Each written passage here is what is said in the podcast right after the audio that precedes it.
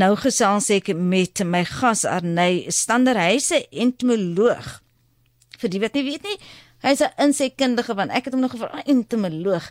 Hy's van Babylon Toren in Simondium omgewing en dis deel van die Wynlande distrik en hy's daar as entomoloog en bewaringsekoloog betrokke. Hy werk ook tans aan sy dokters teses oor die Duitse wespe hulle impak op heuningbye en hoe byeboere die verspreiding van wespes kan fasiliteer. En hy dis 'n mond vol. Goeiemiddag. Goeiemiddag en vir baie dankie om te wees. Is baie lekker om jou hier te hê. Ek moet net jou mikrofoon aansit dat die luisteraars jou kan hoor. Jy kan maar weer vir ons groet. Goeiemiddag en vir baie dankie vir die geleentheid. Is lekker om hier te wees. Dis lekker om jou hier te hê. Nou, jy uh, werk by Babylon Toren. Wat is Babylon Toren? Ja, so Babylon Toren is 'n is 'n wynplaas, maar is ook meer as net 'n wynplaas. Daar's dit is ook 'n gasteplaas. Ehm um, dit lok omtrent klomp besoekers, dagbesoekers. Uh daar's 'n groot tuin waarby ek ook betrokke is. Ek is deel van die tuinspan daar. Ehm um, so daar's klomp fasette van Babylon Toren. Daar's iets vir elk as hulle daar kom besoek. Nou wat op aarde maak 'n entomoloog by 'n wynplaas? So met so 'n groot tuin is daar natuurlik baie plante, klomp verskillende plantspesies en ook groentes en al daai dinge en saam met dit kry mens natuurlik ook peste wat onder andere insekte is. So elk ek help ook daar in die tuin met uh, organiese pestbeheer. Ons sal baie keer selfs insekte inkry om van hierdie pestspesies ontslae te raak. Dis almal 'n lekker werk so in die natuur. Nog altyd die belangstelling gehad? Sedert ek klein was, ehm um, was ek een van daai kindertjies wat sal buite geloop het en ek sal klippe opgelig het en stompe en kyk wat ek kan kry. Terwyl ander net hulle self vergaap in die mooiheid, ek sal ek 'n bietjie dieper gaan kyk het en gesien het wat wat kry ek. Ehm um, so ek het nog altyd daai passie gehad vir vir insekte, maar ook spinnekoppe en skerpioene. Mm, nee, nee dankie hoor. Nee, net as mens dink aan hierdie goed dan wil jy ril. Nie bewonder hulle name is goggas nie want hulle is gogga. Ons praat nou vandag so 'n bietjie oor die indringerperde by spesies. Daar's twee van hulle en uh, as jy net daar net vir ons bietjie kan sê wat is hierdie twee uh, uitheemse indringerperde by spesies? Ja, so die een eerste een is die Europese papierwespe of perdeby.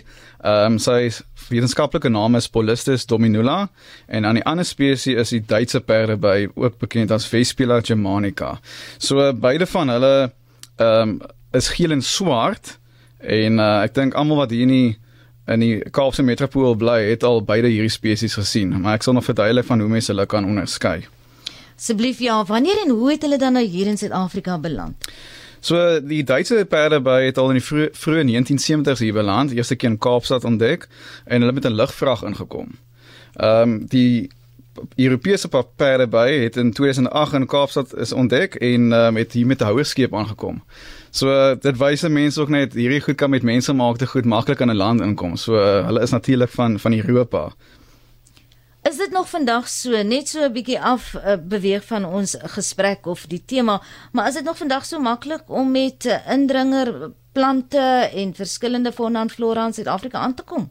Sonder dat dit bespeer word? Kyk, maklik iets kan iets kan selfs 'n saadjie kan aan jou skoenveter beland het en of in jou skoen beland het wat jy mee gereis het en hier kom jy aan en iemand het gekyk die douane beamptes het kan nie deur elke diewe detail gaan en hier het jy aangekom en hier het jy daai saadjie geplant en daar het 'n ding ontkiem. So dit is sulke goed kan baie maklik gebeur en dit is natuurlik nie aspres nie, dis nou per ongeluk dat dit gebeur, maar sulke hierdie tipe goed kan maklik gebeur, ja. En nou nou daardie twee spesies, die perdeby spesies, hoe lyk hulle en hoe kan 'n mens hulle van mekaar onderskei? Soos ek gesê het, beide uh, spesies is geel en swart. Ehm um, dit is baie maklik om hulle so te te, te sien, maar dan om hulle te onderskei, moet 'n mens 'n bietjie verder kyk. Kyk nou na hulle antenna. So die Europese perdeby spesies het oranje antenna waar die Duitse perdeby swart antenna het. Maar ook kan jy sien as hulle nou vlieg, die Europese perdeby het langer pootjies en dit hang tipies af soos wat 'n perdeby se pote hang as tydens vlug. Waar die Duitse perdeby vlieg meer soos 'n soos 'n heuningby. Partykeer is is misgis jouself en dink as 'n heuningby tot jy sien hy, hy sit. Dan sê jy maar hierdie geel en swart, dit is glad nie heuningby nie. Mm, nou daai oranje wat jy van praat, daai antennes, dit spel gevaar. ja, net so. Waar maak hulle hulle neste? So die die die Europese perde by ek dink meeste mense kry hulle veral om om hulle huise as jy onder jou dakkappe buite kyk maak hulle hierdie 'n uh, 'n papierneste. So wat dit hoe hulle dit maak is hulle gaan skraap houtvesels af en dan met hulle speeksel meng dit en maak hulle hierdie papierneste. En die papiernes in hierdie geval van die Europese perdeby is net een laag. So dit hang so aan die onderkant van die dak af dan sien jy eintlik die hele nes. Jy kan die larwes daarin sien en jy kan sien hoe die hoe die die papies daar sit en hoe die perde by op die nes sit. Ehm um, waar en die neste is redelik klein vergelyking met die met die Duitse perde by. Die Duitse perde by kan ook maak die strukture nes maak sommer in liggate. Hulle soek vir 'n amper soos 'n holte, 'n leemte waar hulle kan nes maak. Hulle kan ook onder dakkappe uh, nes maak, maar dit is maar eintlik baie skaars. Meeste van die tyd maak hulle in die grond nes. So jy gaan 'n klein gaatjie in die grond sien, dan gaan jy sien hoe vlieg hulle in en uit. En uh, dit is eintlik ongelooflik hoe hulle dit maak. Hulle die die koning maak altyd begin altyd die nes self te maak. En sy gaan begin om van die grond uit te werk. Amper so wat 'n stootskraper doen, jy weet, haal daai sand uit en goed, maak jy 'n holte en dan ook met die pap, uh, uh, houtvesels met haar speeksel dan bou sy hierdie wonderlike nes. En en hierdie nes verskil in, in vergelyking met die Europese perde by in die sin dat die Europese perde by mos nou net die een laag nes. Wel die die Duitse wespe kan 'n hele paar lae op mekaar hê. So as jy amper dink aan hierdie SAIK gebou, want hoeveel vloere is, so kan hierdie nes ook lyk like, en dan word hy heeltemal bedek met 'n met 'n papierlaag om hom te beskerm. Klink baie interessant. Hoekom is dit nodig dat ons dan daardie neste moet verwyder?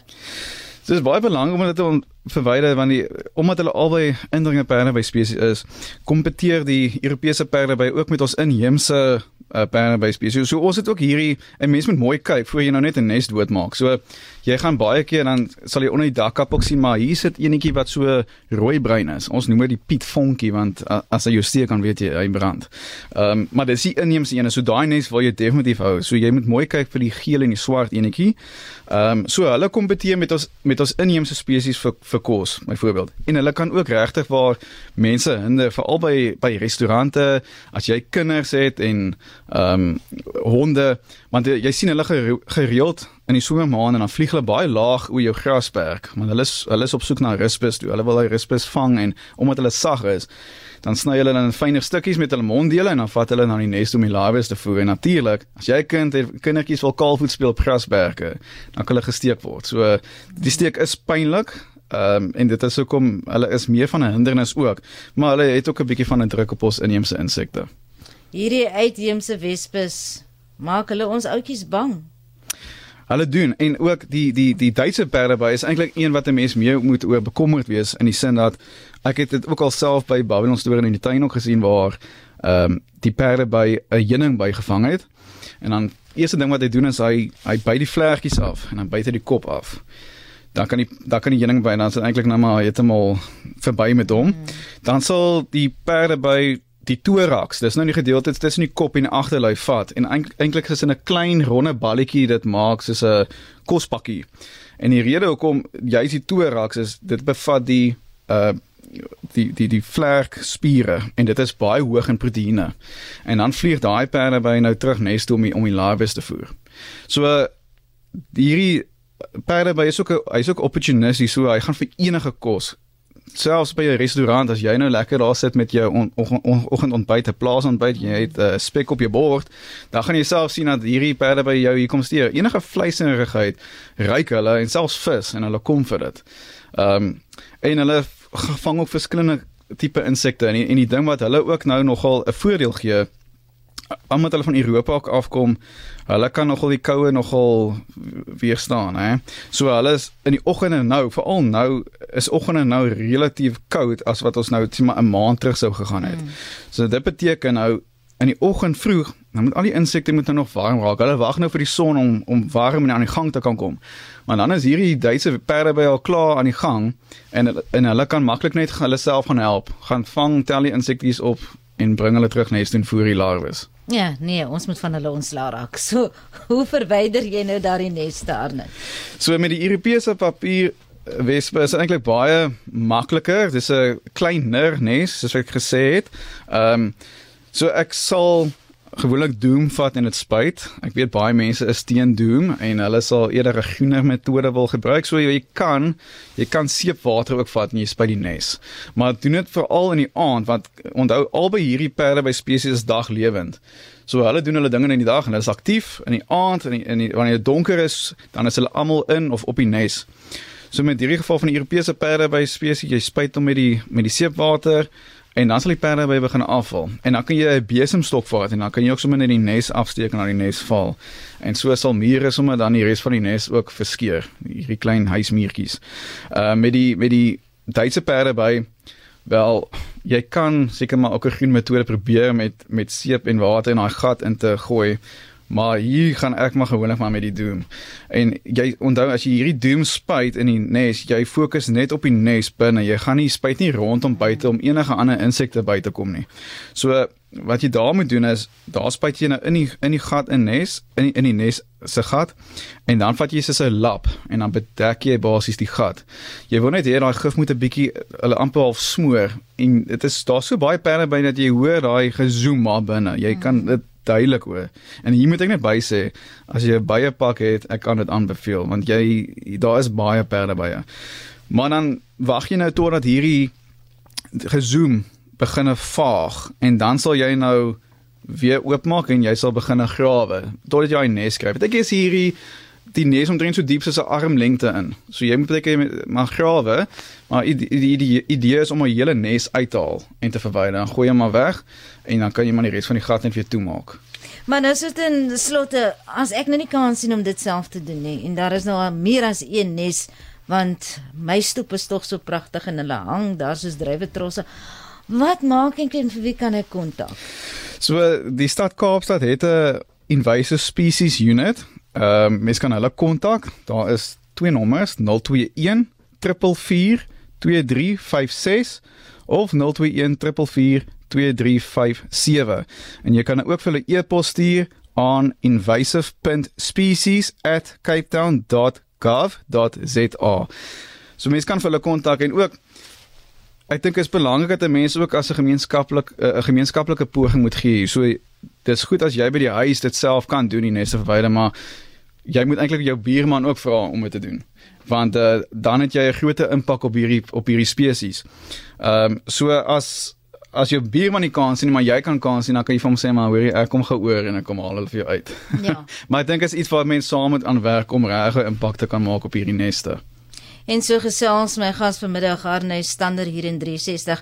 Hy is 'n entomoloog en hy is ook 'n bewaringsekoloog by Babylon Storen daar in Simondium se omgewing en nou, ons het gepraat oor twee indringerperde by spesies.